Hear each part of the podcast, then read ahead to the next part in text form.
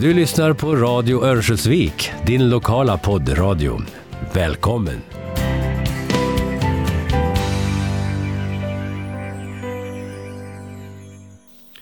Jeg heter Rune Andersen, og som man vil merke er jeg nordmann.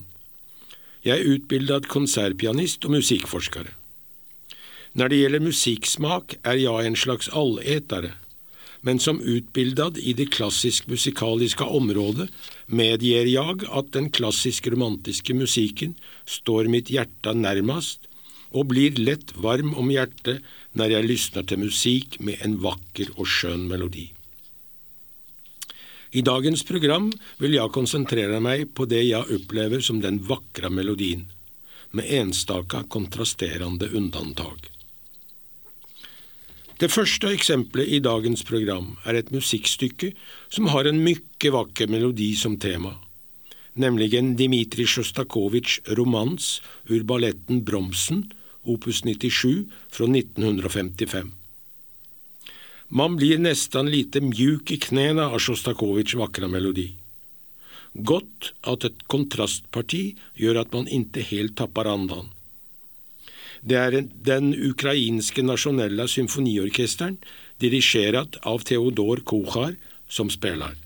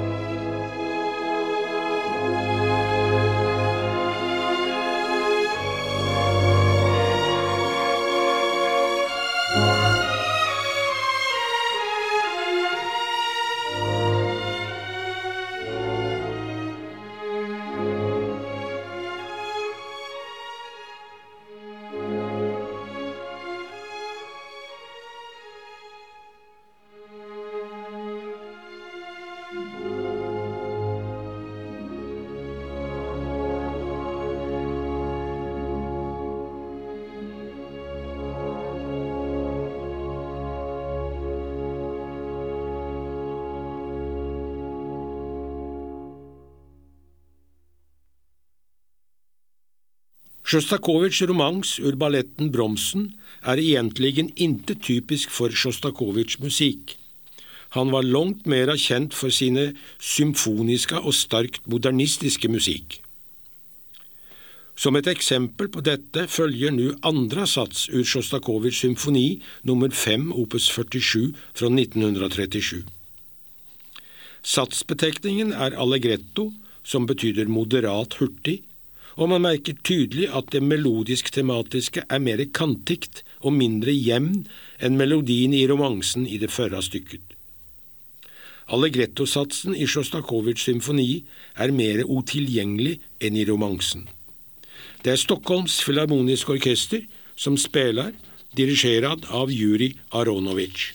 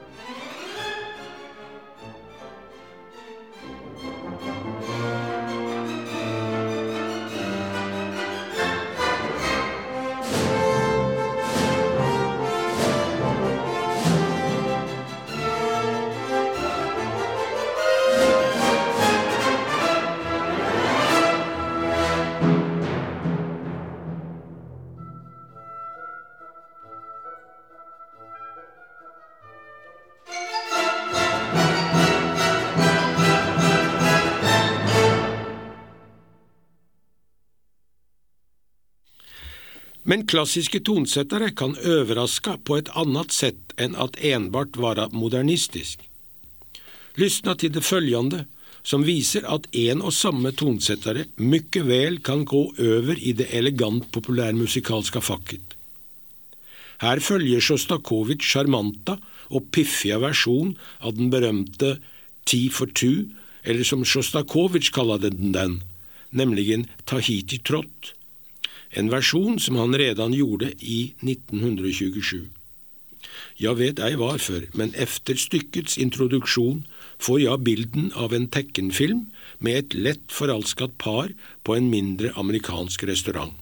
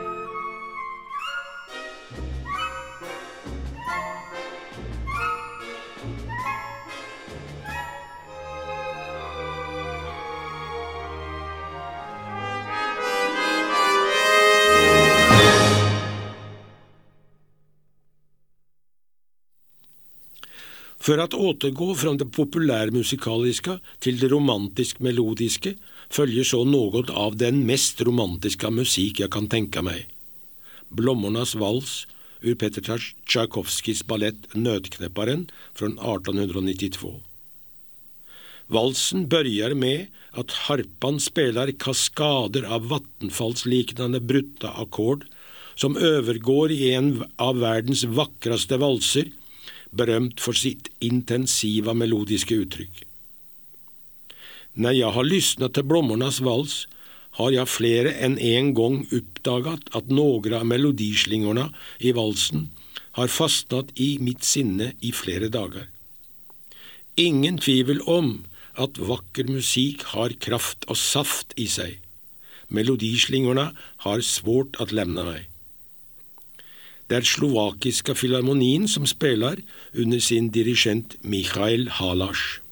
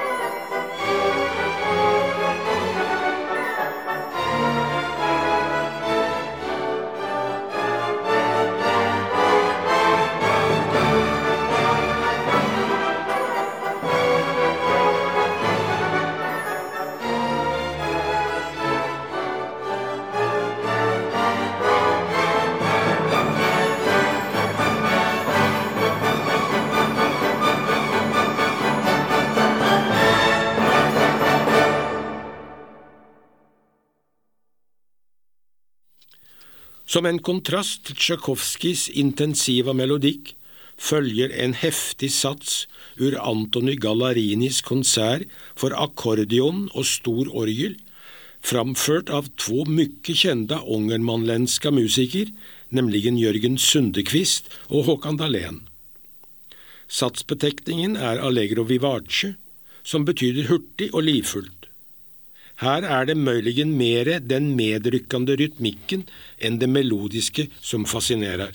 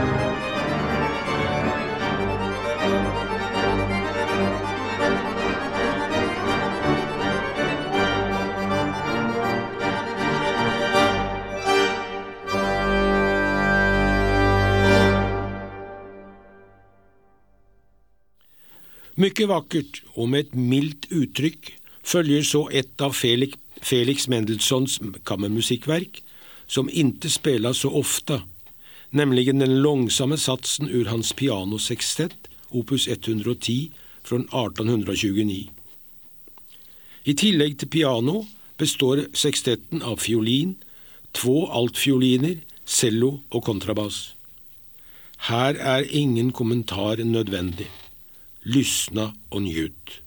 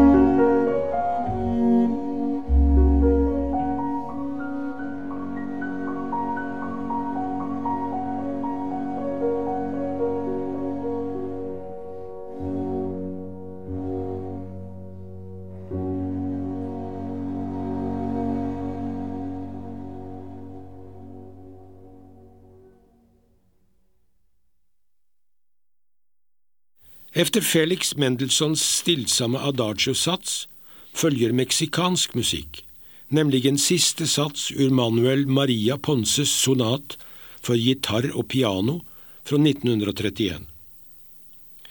Ponce var født i 1882 og dog 1948, og regnes som den moderne meksikanske musikkens far. Han studerte i Bologna i Italia og i Berlin samt i Paris. Ponce var mye inspirert av den berømte gitaristen André Segovia, som Ponce møtte første gang i 1923. Segovia oppfordret Ponce at komponere en sonat for piano og gitar, og den ble klar i 1931. Siste satsen som vi skal høre, viser et elegant samtale mellom piano og gitar.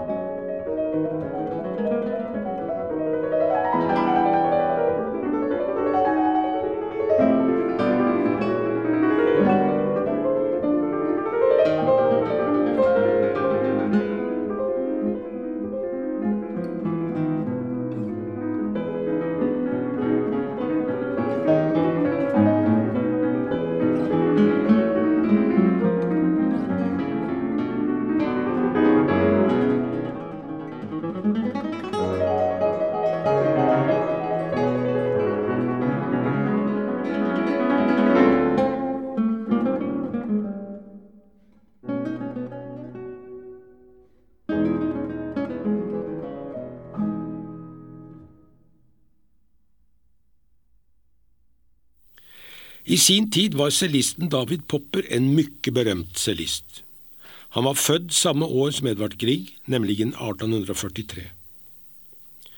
Popper ble inte minst kjent for sine korta, virtuose stykken som viser celloens unike klang og stilistiske uttrykk. I vår tid spilles Poppers stykken oftest som ekstranummer. Her følger et sådant ekstranummer, Hans Elfentans, opus 39, et av hans mest berømte virtuosstykken.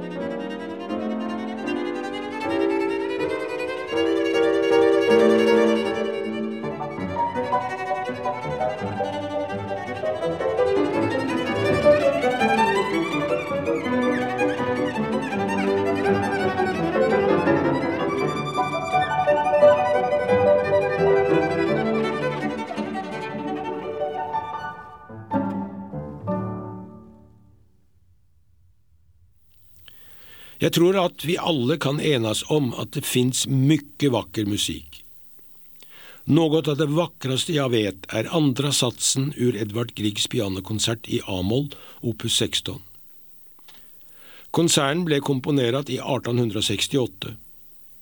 Når man lysner til hele konserten, er det mange som forestiller seg at Grieg levde blant høye norske fjell og djupa daler når han komponerte konserten. Men tro det eller ei, Grieg komponerte konserten mens han bodde i et sommerhus i Danmark, et platt landskap langt fra høye fjell og dype daler. Satsbetekningen er adagio, hvilket betyr bredt og langsomt, og er noe av det vakreste han har skapat. Stemningen er nocturnens, men ikke den sydlenske, heller den milde nordiske midtsommernattens lysskimmer. Et mellomparti i fortissimo skaper en skarp kontrast, medan den mjuka nattstemningen återvender mot slutet. Satsen er helt enkel en poetisk åpenbarelse av musikalsk skjønnhet.